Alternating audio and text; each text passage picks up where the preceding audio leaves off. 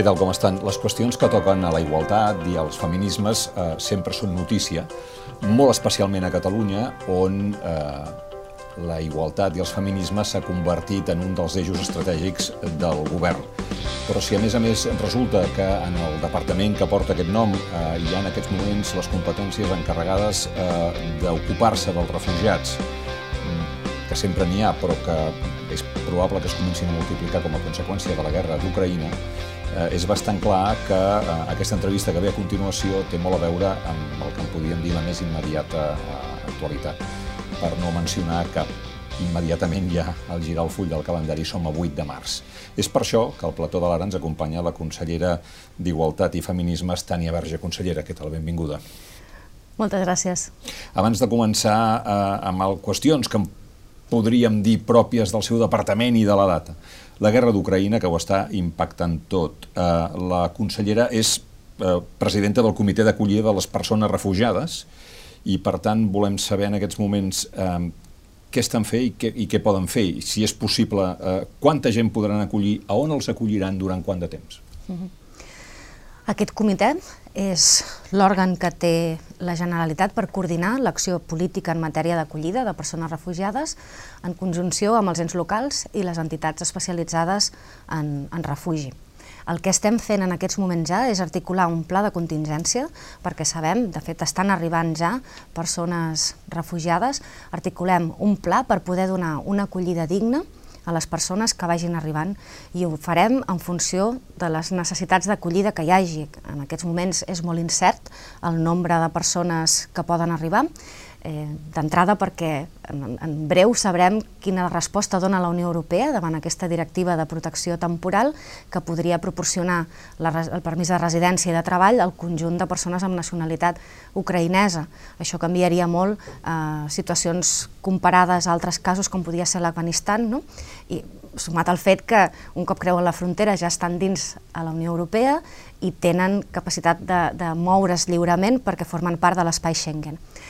En aquest pla de contingència que estem treballant amb aquest espai que, que li comentava, el Comitè d'Acollida per a les Persones Refugiades, nosaltres d'entrada mobilitzem mig milió d'euros per poder acollir 300 persones. Aquesta no és ni una quantitat tancada, a nivell de recursos econòmics ni tampoc de persones, per, pel que li deia, eh, per la immediatesa. Nosaltres el que fem és respondre davant aquesta primera necessitat, de cara als propers dies o aquestes primeres setmanes, quan de fet eh, l'estat espanyol encara no té una resposta concreta ni ha transferit eh, cap recurs al, als governs. Mm -hmm. Per tant, eh, estem parlant de 300 persones algunes de les quals ja són aquí, perquè crec que s'han fet càrrec, per exemple, de turistes ucraïnesos que els ha sorprès la guerra, est estan a Catalunya. Aquests en aquests moments quan són? Aquests són al voltant d'un centenar, una mica més.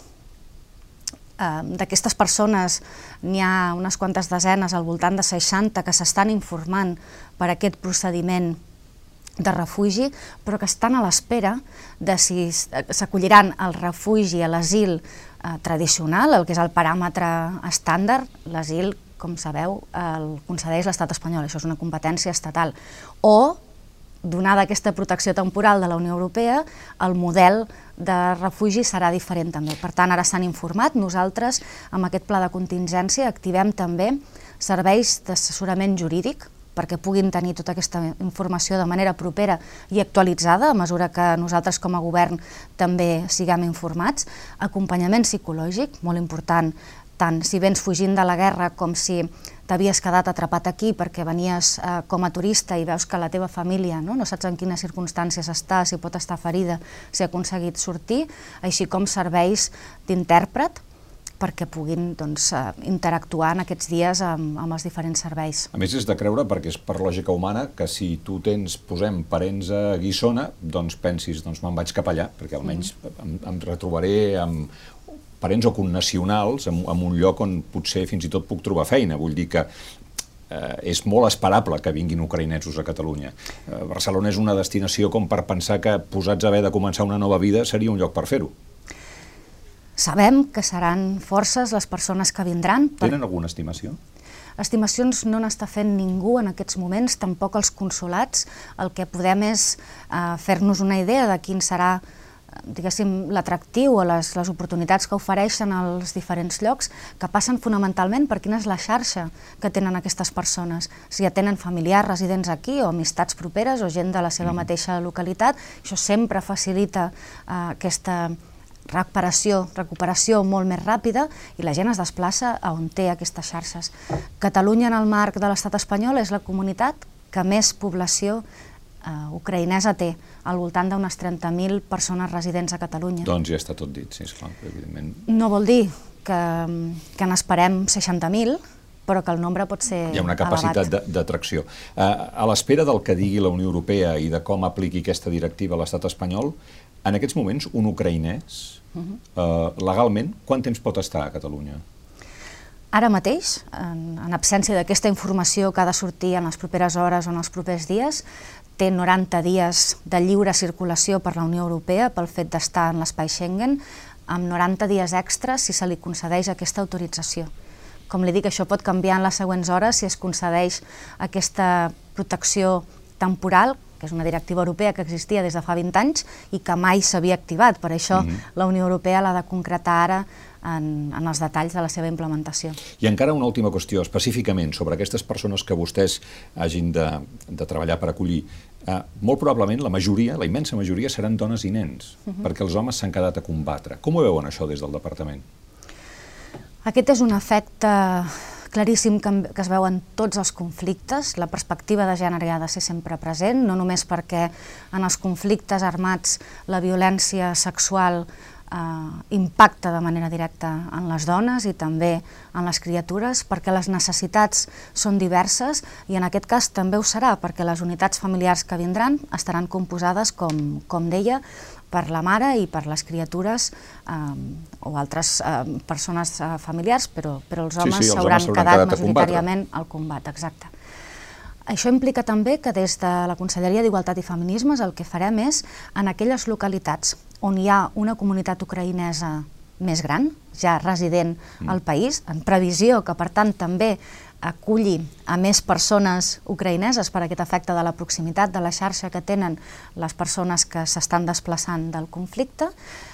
El nostre programa Temps per Cures, que té aquests serveis de cures a menors de 0 a 14 anys, eh, que poden ser des de casals a serveis en equipaments, no? eh, ampliació doncs, dels espais de ludoteques, que ja tenien en compte com a criteri de priorització, malgrat que són serveis universals, les dones migrades, doncs en aquest cas eh, prioritzar encara més aquest component de, de dones migrades, concretament les, les famílies ucraïneses, perquè puguin eh, tenir aquest temps eh, també les mares per cuidar-se, per tenir l'acompanyament psicològic, evidentment perquè els infants puguin gaudir d'aquests espais d'esbarjo, d'interacció amb, amb altres criatures, de desconnexió de la situació tan difícil i traumàtica que estan vivint i en funció, doncs, això com, com estàvem dient, de, si hi ha permisos de residència i de treball automàtics que també puguin tenir el temps de buscar feina.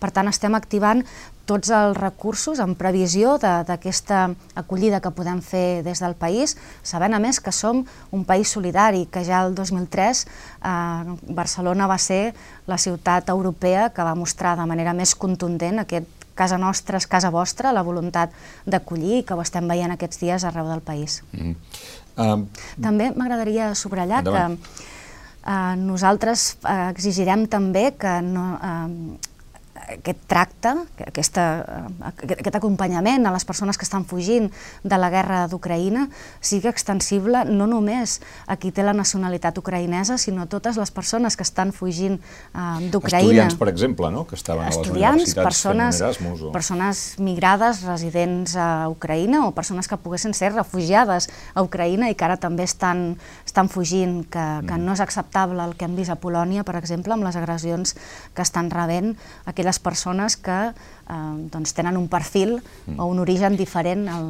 al de la majoria. Eh, Nic, encara que sigui des d'un punt de vista teòric, però eh, encara que els exèrcits ja fa 20-30 anys van començar a admetre dones a les seves files, eh, per necessitat o per convicció, però les van començar a admetre. Eh, ara el cas d'Ucraïna ens torna a demostrar que la guerra és cosa d'homes? La guerra i els exèrcits són agents de socialització de la masculinitat. Com que m'ha fet la pregunta teòrica, també li responc a nivell si teòric. Si vol, a nivell pràctic endavant. Els, eh, però... els valors que transmet no? de, del tracte cap a l'enemic, eh, la deshumanització que implica estar combatent, perquè si, si pares a pensar que estàs apuntant contra persones, segurament no apretes el gatell. No? La jerarquització... A no ser que estiguis defensant la teva terra jo dic a nivell del que implica matar algú, eh? per molt que t'estiguis defensant, no, no és apretar un o botó. O defensar la teva família, que està no, no, darrere teu, no? Una cosa és l'autodefensa, però, mm. però el que implica eh? sí, sí, sí, estar, sí, sí, estar sí, en aquesta situació que no s'hi voldria trobar, evidentment, ningú la jerarquització de les estructures, no? el, el masclisme imperant i els casos d'assetjament sexual que sabem que passen en aquestes organitzacions i que fins fa relativament poc, i encara eh, no en tots els casos es resol bé, estaven amagades o, o sense tenir els procediments adequats. Eh, el feminisme eh, no ha sigut mai partidari dels, dels exèrcits. Aquesta tradició de, de feminisme i pacifisme van juntes. És molt important també aquesta perspectiva de gènere quan enfoquem els processos de negociació. Eh, tots els processos de pau que hi ha ara mateix o de reconstrucció eh, postbèl·lica, per molt que Nacions Unides hagi posat sobre la taula que hi ha d'haver paritat, una presència equilibrada de, de dones i homes en aquestes taules, la realitat és que avui en dia encara no s'està acomplint. En, en I si aquestes veiem... converses de Bielorússia, a cap cantó Correcte, de la taula hi havia dones. aquestes no? fotografies. I no és perquè eh, les dones siguem éssers de llum necessàriament, sinó perquè tenim experiències vitals um, diferents i paguem els costos de la guerra també de manera diferent. Hi ha un agreujament de les desigualtats, hi ha una violència uh, masclista que també s'agreuja, especialment la violència sexual, i perquè al final uh, les dones són les que més treballen arreu del món, la xarxa comunitària, que és la que et permet després posar en connexió les dues parts que en un moment donat s'han enfrontat. Mm -hmm. Dimarts que ve eh, serà 8 de març, Dia Internacional de la Dona Treballadora. Vostè farà vaga o anirà a treballar? Nosaltres tenim govern convocat a, al matí, sí. Molt bé, per tant, ens treballarà. El manifest que es va fer públic, el manifest del govern de la Generalitat la setmana passada, s'afirma que hi ha dos canvis imprescindibles. Eh, resumim molt. El feminisme és per tothom, per tant, cal un paper actiu dels homes, i en segon lloc, la resposta institucional ha d'estar a l'altura. O sigui, ni els homes ni les institucions estem encara a l'altura? Tant el, jo diria diferent, tant els homes com les institucions han de fer molt més. Si comencem pels homes, doncs és evident que el, que el sistema patriarcal té un efecte diferent en les dones. Quan parlem de desigualtats de gènere, ens estan afectant a nosaltres. No és normal que pel fet de ser dona cobris un salari de mitjana inferior. No és normal que pel fet de ser dona uns productes que són de primera necessitat, com productes menstruals, et suposin un cos afegit per un IVA eh, que hauria de ser zero o en tot cas superreduït. No és normal que pel fet de ser dones patim violències masclistes al treball, als espais d'oci, en, en l'àmbit de, la, de la parella. Hi ha molts elements no, que la societat ha considerat, o una part de la societat considera que són cosa del passat, però no és veritat. Quan mirem les estadístiques, les posem sobre la taula, ens afecten a, a, a totes les dones en tots els àmbits. El patriarcat, però, també afecta els homes. També ha establert què és ser home què s'espera a nivell de forma d'actuar d'un home, no? quines normes s'haurien de complir. Els homes no ploren, no? Aquesta, està cada dia més problematitzat si tu vols, però es jutja diferent. No? Mm. Quan un home mostra els seus sentiments, això té conseqüències importants. Sota aquesta norma, sota aquest prejudici, els homes acudeixen molt menys a teràpies psicològiques quan tenen algun problema de salut mental o angoixa. Això condueix a xifres més altes de suïcidi. Aquesta idea de els homes han de ser valents o fins i tot la temeritat o l'agressivitat valorada no? com, com una cosa normal pel fet de ser home, condueix a unes taxes de mortalitat en accidents de conducció, perquè provoquen molt més aquests accidents, i especialment els accidents mortals, que no pas quan, quan són dones les que condueixen. Per tant, aquesta feina, quan, quan diem el feminisme és per a tothom, és perquè, un, tothom té responsabilitat en aquesta lluita contra les desigualtats, les dones, els homes, el conjunt de la societat, però és que a més a més els homes no poden pensar que no els hi afecta el patriarcat perquè els hi està condicionant també la vida. El segon component... Institucions. de les institucions. Eh, el que posa de manifest aquesta declaració institucional és que han viscut eh, durant molt de temps instal·lats en la idea que les polítiques d'igualtat són sectorials. I no ho són, són transversals, perquè no hi ha cap àmbit, si agafem el, el govern de la Generalitat, no hi ha cap departament que no hagi d'implementar accions que tinguin a veure amb la igualtat de gènere o amb la no discriminació eh, o amb, amb, amb polítiques LGTBI s'apliquen des de tots els àmbits perquè té a veure amb salut, que quan tu siguis atesa no, no tinguis un tracte diferent pel fet del teu gènere, de la teva orientació sexual, del teu origen, el mateix amb els cossos policials o la justícia o l'àmbit educatiu. És a dir, com que és transversal, s'ha d'implementar des de tot arreu i això què implica? Els recursos econòmics i materials suficients. I un altre element important que posa sobre la taula el manifest. Totes aquestes polítiques feministes que s'han d'implementar, s'han d'implementar ara perquè no, no hi ha dret a fer esperar a les dones més temps. No volem la transformació feminista pensant en les generacions futures, no? No sé si té fills o filles, no ho farem per les seves filles i fills. Faltaria més també, però no només, ho volem viure ara, les dones i els homes també del present. No? Aquesta és la idea central, ho volem ara. A propòsit de tot això, per exemple, a l'hora de garantir drets eh, a les dones, eh, a Catalunya eh, continua estant garantida eh, la interrupció de l'embaràs d'una manera homogènia i igual a tot, a tot el país? Uh -huh. El dret al propi cos, no? aquest accés a la interrupció voluntària de l'embaràs, és un dret humà, estem parlant dels drets sexuals i reproductius, que també són drets humans. Hem tingut una situació en la que aquesta equitat territorial no es produïa, és a dir, que en funció del lloc on residies tenies accés a l'avortament farmacològic o al quirúrgic, no? la intervenció mèdica, eh, i en funció d'on vivies t'havies de desplaçar i a vegades força quilòmetres. Aquesta és una situació és dir, perdoni, intolerable. perquè tenies el dret a l'avortament garantit, però sota la fórmula que volia el metge. O t'havies de desplaçar molts quilòmetres. Per poder Ah, bueno, o, o perquè no, no hi havia la, la possibilitat no de fer... Centre no hi ha cap centre que practiqués l'avortament. Sí. És veritat que, que Catalunya té una xarxa de punts on es pot practicar eh, l'avortament, especialment el farmacològic, que és inèdit a nivell europeu. Eh, tenim molts CAPs els, centres d'atenció primària, que tenen serveis eh, d'atenció a la salut sexual i reproductiva, els ASIRS, i allí es pot eh, practicar l'avortament farmacològic. Eh? És un fàrmac no? eh, que permet eh, l'expulsió de, de, de l'embaràs. Una altra cosa és que les dones tenim el dret eh, en el propi cos i a decidir lliurement si accedim a l'avortament farmacològic o al quirúrgic. I això, quan vam entrar al govern, no estava garantit amb equitat territorial.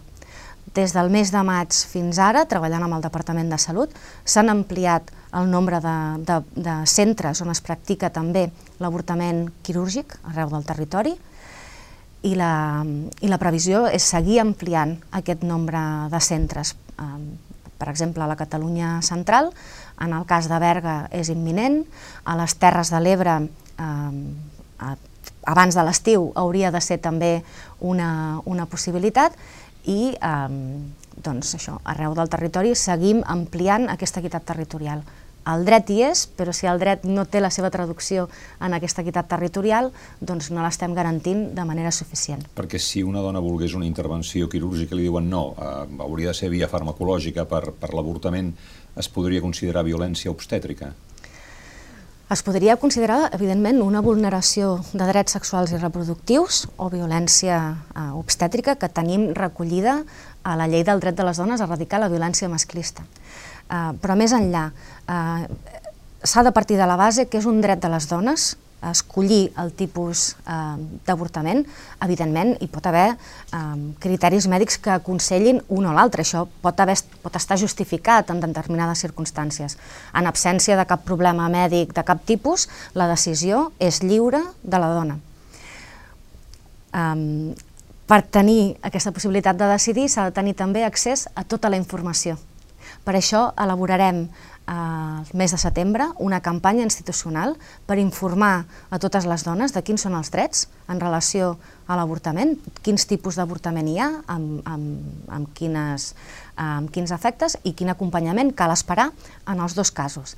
I al mateix temps iniciarem també una formació a totes, totes eh, les professionals, a tots els professionals que intervenen no, en aquest acompanyament a l'avortament perquè sàpiguen, bàsicament, eh, respectar les decisions de les dones perquè identifiquin no, eh, com fer aquest acompanyament de la millor manera. A propòsit de, de l'avortament, a l'Ara vam publicar no fa gaire unes dades del 2020, que em sembla que són les últimes disponibles, dient que a Catalunya es practiquen l'any aproximadament 20.000 avortaments, que mm, en fi, fent la mitjana doncs surt un 54 al dia, que és bastant més d'algunes operacions mm, molt freqüents al, al, en el sistema sanitari.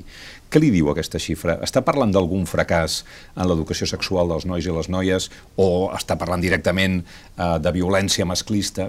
De, aquestes xifres eh, no, serien, eh, no, no són molt altes per una societat que se suposa informada i lliure com la nostra? Són tots els components alhora. Hi ha casos que tenen a veure amb violència masclista, hi ha casos que té a veure amb manca d'educació sexoafectiva i també té a veure amb el fet que aquí està reconegut com a dret i, per tant, és la llibertat de, la, de les dones decidir sobre la interrupció o la continuïtat d'un embaràs. Però assenyalava un punt molt important, cal reforçar la salut, ah, perdó, l'educació sexoafectiva i això cal fer-ho en el marc de la coeducació en el marc d'aquesta educació que s'imparteix des de les escoles que incorpora la perspectiva de gènere. I què vol dir l'educació sexoafectiva? Que ja des dels 0 anys comencem a treballar en l'àmbit escolar, que és el més proper i quotidià al conjunt de l'alumnat, el propi cos, el coneixement del propi cos, eh, la deslegitimació de les, de les violències, les alertes, no? la, tenir la capacitat de reacció davant d'aquells tocaments que puguin ser des, desitjats. Desitjats intolerables, eh? estem parlant de, sí, sí, sí. que serien abusos i violències sexuals a, la, a les criatures. Més endavant, a mesura que avancem en edat, estem proporcionant una informació clau per poder gaudir d'una sexualitat que sigui lliure, amb ple coneixement de quins són els mètodes de protecció, tant d'embarassos de, com, com d'infeccions de, de, de transmissió sexual i com tenir també unes relacions sexoafectives basades en el respecte, basades en el consentiment, basades en la igualtat i que a més tingui en compte la diversitat d'orientacions sexuals i d'identitats de gènere que existeixen. Això és un element clau, és una aposta estratègica de govern i forma també part de la transformació feminista. Mm. Eh, la consellera Tània Verge va ser en aquest plató el juliol de l'any passat, quan feia poques setmanes, eh, va entrar al govern el 26 de maig, que era consellera d'Igualtat i Feminismes, una cartera de nova creació. Recordo que vam estar fent parlant mig en broma, mig seriosament, sobre el fet que no hi tenia pressupost, que, que fins l'1 de gener d'aquest any no en tindria, i que, a més a més, havia de partir de zero en moltes coses. No? Um, de què està més satisfeta del que han aconseguit fer fins ara? I què és el que, i, i què és el que més la frustra? Mm -hmm. Doncs estem molt satisfetes d'haver pogut tirar endavant projectes im, uh, importants, alguns estrictament propis del departament, altres en coordinació amb altres departaments per aquesta transversalitat eh, que comentàvem abans, mentre estàvem construint una conselleria. Muntar una conselleria de zero eh, és una tasca ingent perquè vol dir dotar-la no només dels recursos necessaris, sinó organitzar i reorganitzar aquells, sí, sí. És apassionant serveis... que vol dir que no dorms. Sí, sí ha Exacte. sigut molt intens i tot l'equip hi ha dedicat moltíssimes hores i seguim dedicant moltíssimes hores per poder fer aquesta, aquesta doble tasca. Preparar una estructura, posar les bases fundacionals perquè aquesta conselleria perduri en el temps amb la plena capacitat d'actuació, amb els millors instruments possibles i al mateix temps desenvolupar projectes polítics. Alguns exemples d'aquests projectes. El programa Temps per Cures, aquest programa que, que iniciem a principis d'any i que s'anirà desplegant en, en els propers mesos, que consisteix en proporcionar serveis de cura públics, que s'ha anomenat el canguratge públic, tot i que hi ha diferents modalitats, per a menors de 0 a 14 anys, en equipaments, a domicili, amb, amb casals o ludoteques, per l'estiu, tot cas és fora del període escolar i del temps, eh, de l'horari escolar i del període escolar. Aquest programa Temps per Cures s'implementa al territori, com no podria ser d'una altra manera, perquè eh, els municipis més grans que ja tenen eh, serveis en marxa puguin ampliar-ne l'horari, per exemple, serveis que ara s'estaven oferint potser fins a les 7 de la tarda, que puguin ampliar l'horari fins a quarts de 9 de la tarda, perquè hi ha moltíssima gent que surt de treballar a quarts de 9 de la tarda. D'entrada, la major part del comerç, que puguin obrir el dissabte, per exemple. I no pensem aleshores només en com conciliem la vida laboral i la familiar, que la major part de la gent treballa de dilluns a divendres, sinó que pensem també que el dissabte, més enllà de qui també treballi dissabte i li pugui anar bé, és un dia en què també pots utilitzar per fer formació, per cuidar-te, per la participació social i política. El que estem fent en aquest programa doncs, és dir clarament a la ciutadania venim a garantir el dret a les cures. Les cures de les criatures no és només una responsabilitat de les famílies. Aquesta reproducció social també és corresponsabilitat dels poders públics. No? Mm. És, és una, una tasca conjunta.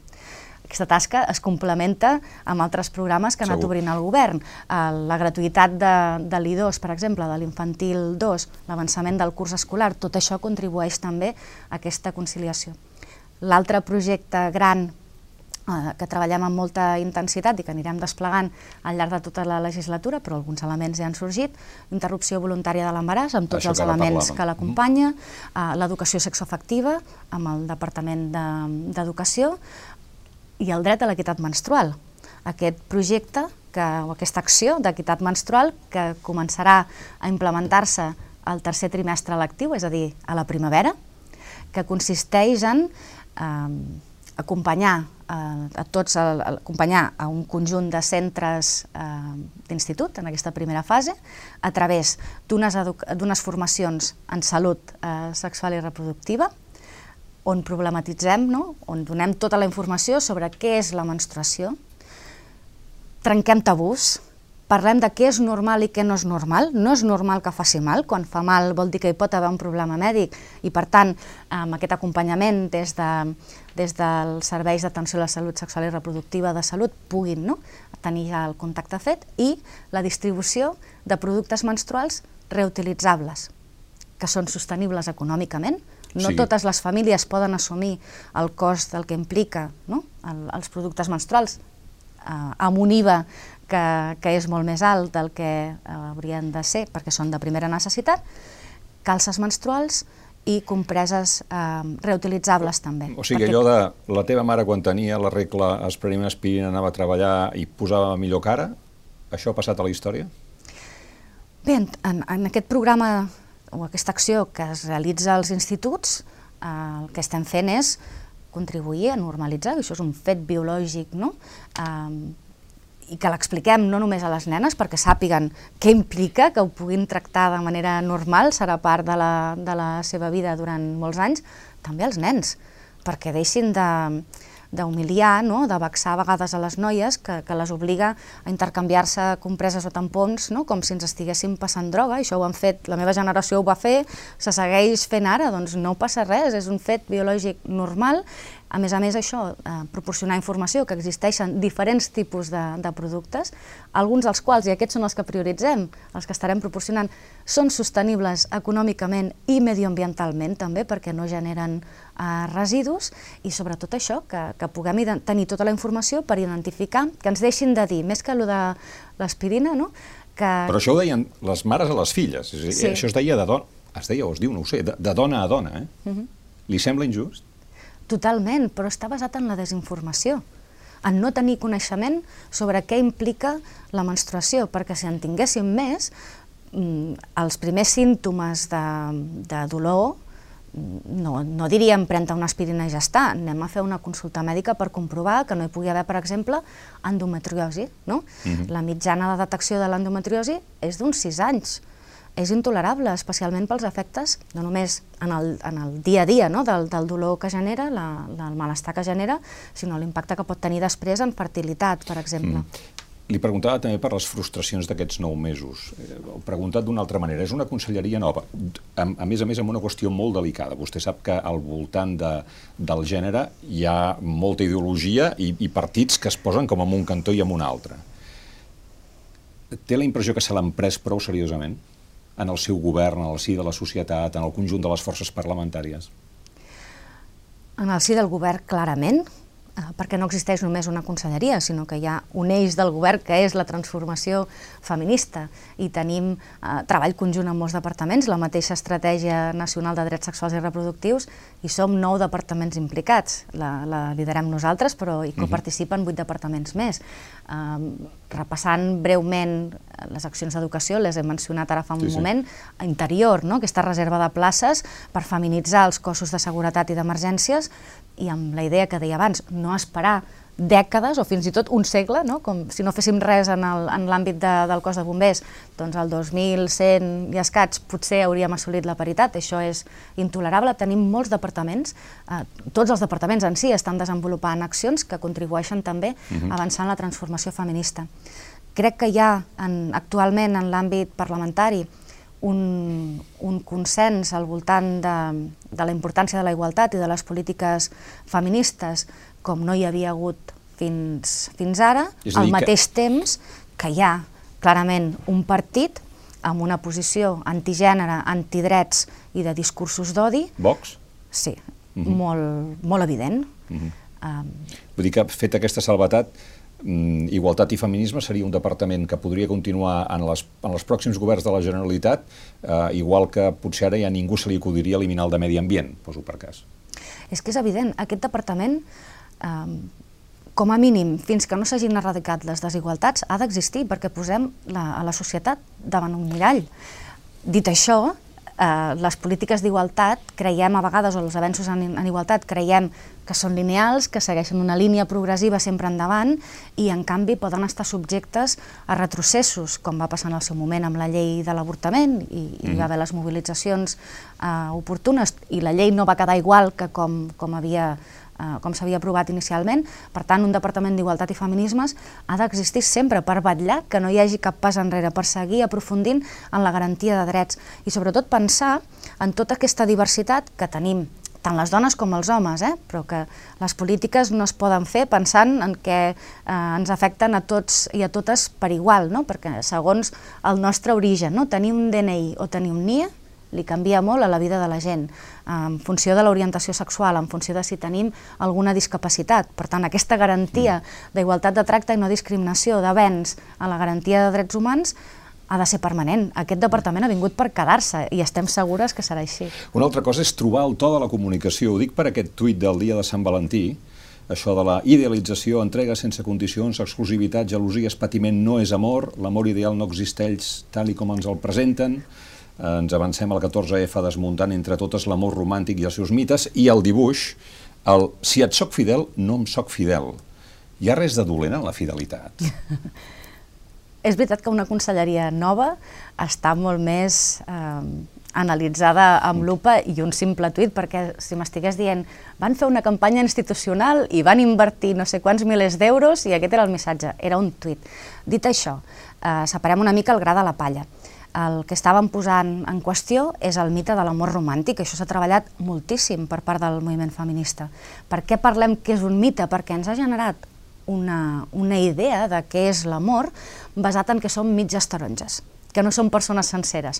I com que l'altre et complementa, l'altre és la teva part de la teva vida sense ell o sense ella no existiries o no series feliç, això et pot portar a acceptar situacions de control, de gelosia, fins i tot de violències. No? Et pot cegar davant eh, aquestes realitats que no haurien de ser acceptables.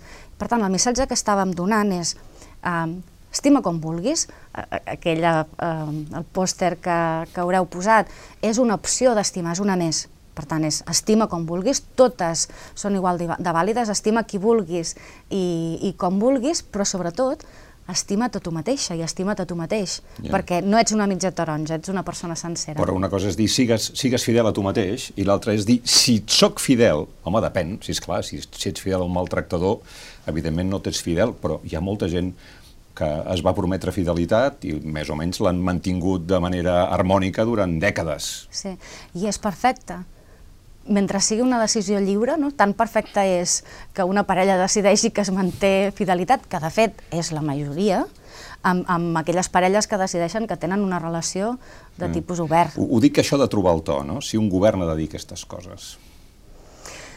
Jo plantejaria novament diferent. Eh?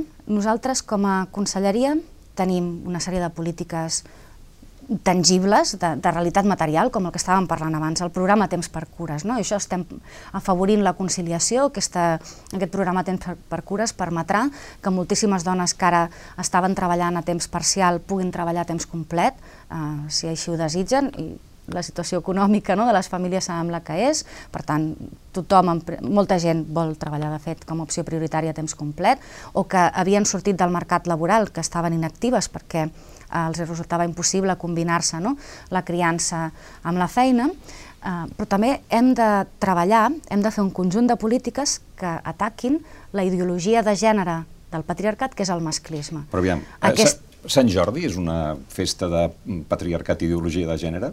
està basada en l'amor romàntic, no? Estic enamorat de tu i et regalo una rosa i tu em regales un llibre. No ho simplificaria tant. De fet... Eh... Bueno, vostès han posicionat sí. davant del 14F, del, del, davant mm. del, del dia de Sant Valentí. Ho farien també eh, davant del 23 d'abril? En tot cas, el que reivindicaríem davant del 23 d'abril, però ja és una situació molt, molt normalitzada, que si la meva parella em vol regalar una rosa em sembla perfecte, però bueno, jo sí, també vull clar. un llibre. Sí, sí, no? I potser jo també li regalo una rosa a la meva parella, no? i ens fem intercanvi del, del mateix tipus d'obsequis, no? llibre i rosa el que seria sexista és que les dones només rebessi, rebéssim sí, roses, roses i els, i els homes, homes llibres. No? Les dones sí, sí. també llegim, ens agrada llegir, també som autores i tenim tot el dret del món a que es faci difusió de les nostres obres. No? També està bé que els contes infantils, quan s'explica la llegenda de Sant Jordi a les criatures, puguin també anar-se incorporant nous personatges no? i que hi hagi una Santa Jordina. És a dir, és a dir tal com expliquem eh, els contes o la realitat, poden afegir coses que l'actualitzen. que salvava el príncep del drac. Que salvava la població, no té per què estar salvant necessàriament un príncep. Tots els contes poden actualitzar-se perquè els missatges de quan s'han creat les llegendes estaven destinades a, a una població en concret, molt condicionada pel context temporal, cultural, nivell d'estudis, no? i això tenim tot el dret del món a poder obrir eh, no vol dir que s'hagin d'eliminar aquestes llegendes ni molt menys, però sí que es puguin afegir personatges que són molt diversos, perquè aleshores aquesta idea que abans parlàvem de com el feminisme també beneficia els homes, no?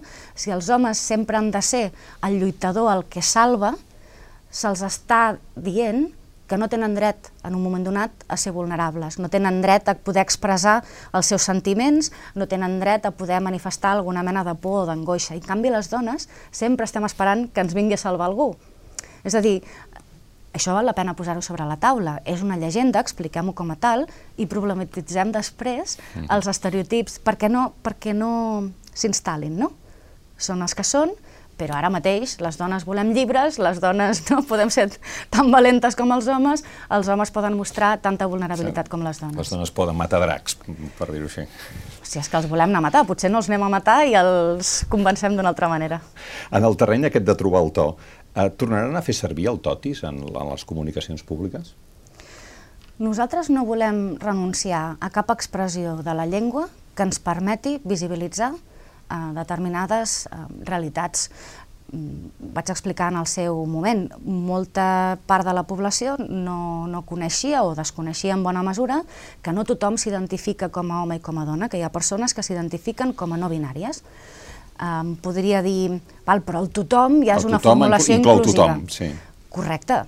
Ara, el tothom seria una formulació inclusiva qual no vols excloure ningú, valgui la redundància, però si el que vull és visibilitzar, no em servirà al tothom. Amb el tot i sí que marco que m'estic referint a persones no binàries. Per tant, les paraules, les construccions que fem, ens serveixen eh, per, per també proporcionar diferents missatges per poder fer aquesta tasca de conscienciació. I en tot cas, eh, és, són unes expressions i és un llenguatge que ja es viu al carrer, que per tant l'únic que fem és també visibilitzar-lo més quan s'utilitza des de, des de govern. Ha, ha tingut ocasió de, de parlar mai amb Carme Junyent, amb la lingüista? No, directament no hem tingut ocasió de parlar mai. Ell el que recorda és que les llengües que no tenen gènere, eh, les societats de les eh, que parlen una llengua que no hi ha gènere són més o menys igual de masclistes que les de, que les, que les d'aquí, per exemple, que sí que tenim gènere a la llengua. Vull dir que la, que la llengua no és eh, tan definitiva a l'hora de construir eh, una societat més o menys masclista o més o menys igualitària. És evident que la llengua no és el, el, no l'element que provoca el masclisme. La llengua reflecteix el masclisme que existeix a la societat, o el pot reflectir amb determinades expressions, amb diferents, amb diferents usos. En les societats on les llengües no tenen el gènere marcat gramatical, eh, s'hi produeixen altres formes eh, d'invisibilització o altres formes de discriminació. De fet, eh, precisament perquè s'han associat determinades professions als homes o a les dones, fins i tot quan no la marques, la gent continua associant aquella paraula només amb les sí, dones metge, o només als homes. Sí, sí, sí. I per això, eh, en, aquestes, en aquestes llengües s'introdueixen, de fet, eh, per exemple, no, poder dir doncs, eh, una metgessa dona, aquí perquè estem declinant, no? metgessa dona, eh, seria periodista home, periodista eh, dona, perquè de no fer-ho, la gent al llegir assumiria directament que és un periodista. És a dir, que cada llengua ha de treballar o cada societat, a través de la seva, seva llengua, permet treballar les visibilitzacions o aquesta conscienciació de les desigualtats que encara existeixen de manera diferent.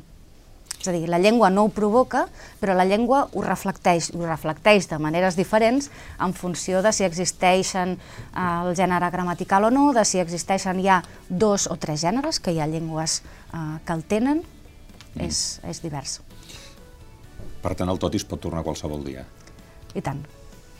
Consellera Tania Verge, moltes gràcies per haver vingut al Plató de l'Ara. Moltes gràcies, ha estat un plaer. I a vostès també gràcies per haver-nos vist. Si ens volen fer arribar els seus comentaris seran benvinguts. Fins una pròxima ocasió.